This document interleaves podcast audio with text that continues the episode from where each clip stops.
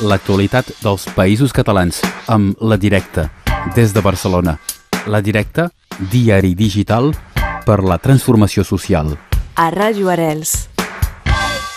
El tenim amb nosaltres al telèfon des de la redacció de la Directa. David Bou, bon dia. Bon dia. Avui començarem amb l'anàlisi d'unes eleccions que ens cauen molt, molt a prop i també del, del Gotxe que tenim regularment aquí a, a Ràdio Arrels, Gotxe Sabrià. Efectivament, el Gautier va escriure eh, un anàlisi la setmana passada, després de la primera volta de les eleccions presidencials franceses. Aquest anàlisi es titula Una segona volta amb l'extrema dreta desbocada a Catalunya Nord i explica com Emmanuel eh, Macron i Marine Le Pen competiran aquest diumenge en un escenari d'alta abstenció de les esquerres amb el consegüent debilitament del front republicà per frenar l'aterratge no, de l'ultradreta a l'Elisi. En Gautier ha fet una anàlisi d'aquesta primera volta de les eleccions, també ha fet una anàlisi de les eleccions eleccions municipals passades on va guanyar el batlle Luz Aliot a Perpinyà i el que fa és una radiografia del, dels últims anys, de les últimes eleccions eh, que hi ha hagut a l'estat francès eh, per veure quina ha sigut l'evolució de l'extrema dreta també i per alertar no, que a la, a la Catalunya Nord eh, està pujant molt l'extrema dreta i no només eh, la força de l'antic Front Nacional sinó també eh, Zemmour i altres partits que capita, o sigui, arriben gairebé a, al 40 i pico per cent de, dels vots a, a la Catalunya Nord. Aquesta anàlisi es pot llegir doncs, a través de, de la vostra web. Si anem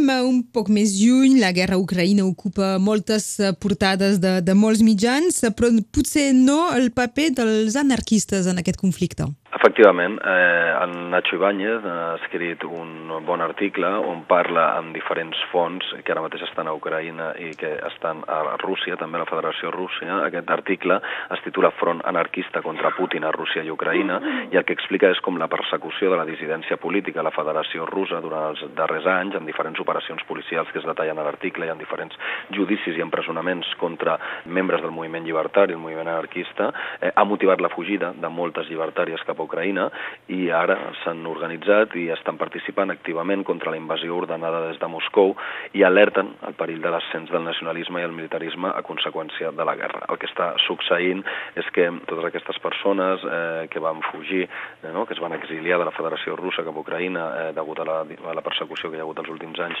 contra la dissidència política de tots els, els colors, eh, més enllà de Vladimir Putin, ara s'estan organitzant no tant per lluitar, eh, com ells expliquen en primera persona, per Ucraïna, per la integritat territorial d'Ucraïna, sinó eh, per lluitar contra un projecte polític imperialista, com consideren el de Vladimir Putin, i per lluitar perquè no s'imposi aquest model autoritari eh, que s'ha imposat a Rússia i dels quals ells mateixos han estat víctimes, eh, que no s'imposi més enllà de les fronteres russes, que no s'imposi a Ucraïna, perquè això ho consideren, ells mateixos considerarien que seria eh, una mala notícia també pels drets civils i polítics. Hi ha una entrevista també força interessant sobre una directora d'una pel·lícula documental, l'Alba Sotora, que acaba de guanyar el Premi Gaudí al millor documental. Sí, com bé sabreu, el Premi Gaudí són els premis que donen eh, l'Acadèmia Catalana de Cinema eh, anualment. Eh, L'Alba Sotorra, enguany, la director, aquesta directora de cinema, eh, ha guanyat el premi a la millor pel·lícula documental amb un, eh, amb un documental que es diu El retorn, la vida després d'Alicis. Aquest documental narra les històries de les dones atrapades pel seu passat com a membres de l'estat islàmic d'Alicis eh, i que ara estan en camps de concentració, en camps de detenció eh, al nord i est eh, de Síria. Aquestes dones, una vegada van ser alliberades del jou de l'estat islàmic, han anat a centres de detenció, algunes d'elles són eh, eh, originàries d'altres països més enllà de, de Síria, no poden retornar al seu país perquè se'ls ha retirat fins i tot la nacionalitat, són algunes d'elles estan en una situació que ara mateix són apàtrides i Alba Sotorres s'acosta amb elles per eh, copsar eh, quina ha estat l'experiència eh, sota el jou eh, d'Alicis. També aquesta directora de cinema, després d'un magnífic treball que ja va eh, elaborar fa dos o tres anys, que es titulava Comandante Ariane i que explicava el, en primera persona el, el relat d'una comandant de les IPJ, de les forces d'autodefensa kurdes al nord i est de Síria, en concret durant l'alliberament de Kobane i altres etapes de, del conflicte de la guerra civil síria i del paper que han jugat les forces democràtiques kurdes amb, aquest, amb aquesta guerra.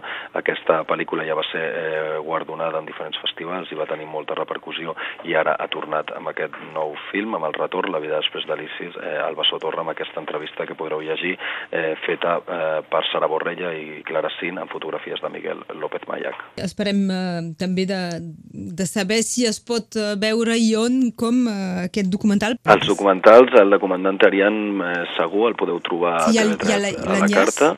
Sí, hi ha l'enllaç a TV3 a la carta, el podeu trobar, i el, aquest nou eh, guardonat, el, de, el retorn, eh, el podeu trobar de moment a la plataforma Filmin, i eh, em sembla que està pendent, eh, si és que no s'ha fet ja també, de, de, de ser emès per, per TV3, que es podrà consultar a la carta també. Perfecte. Uh, David, acabem amb dos apunts uh, destinat uh, el primer al, als subscriptors que han d'anar ràpid. Aquest uh, dijous és el darrer dia per participar a un sorteig. Sí, avui mateix és el darrer dia per eh, participar en un sorteig coincidint amb la festa de Sant Jordi, que és aquest dissabte, 23 d'abril. La directa sorteja en exclusiva per a subscriptores una vintena de llibres escollits entre quatre novetats editorials, d'editorials amb les que cooperem habitualment, així que ja ho sabeu, les subscriptores podeu eh, accedir a aquest sorteig, al web trobareu tota la informació.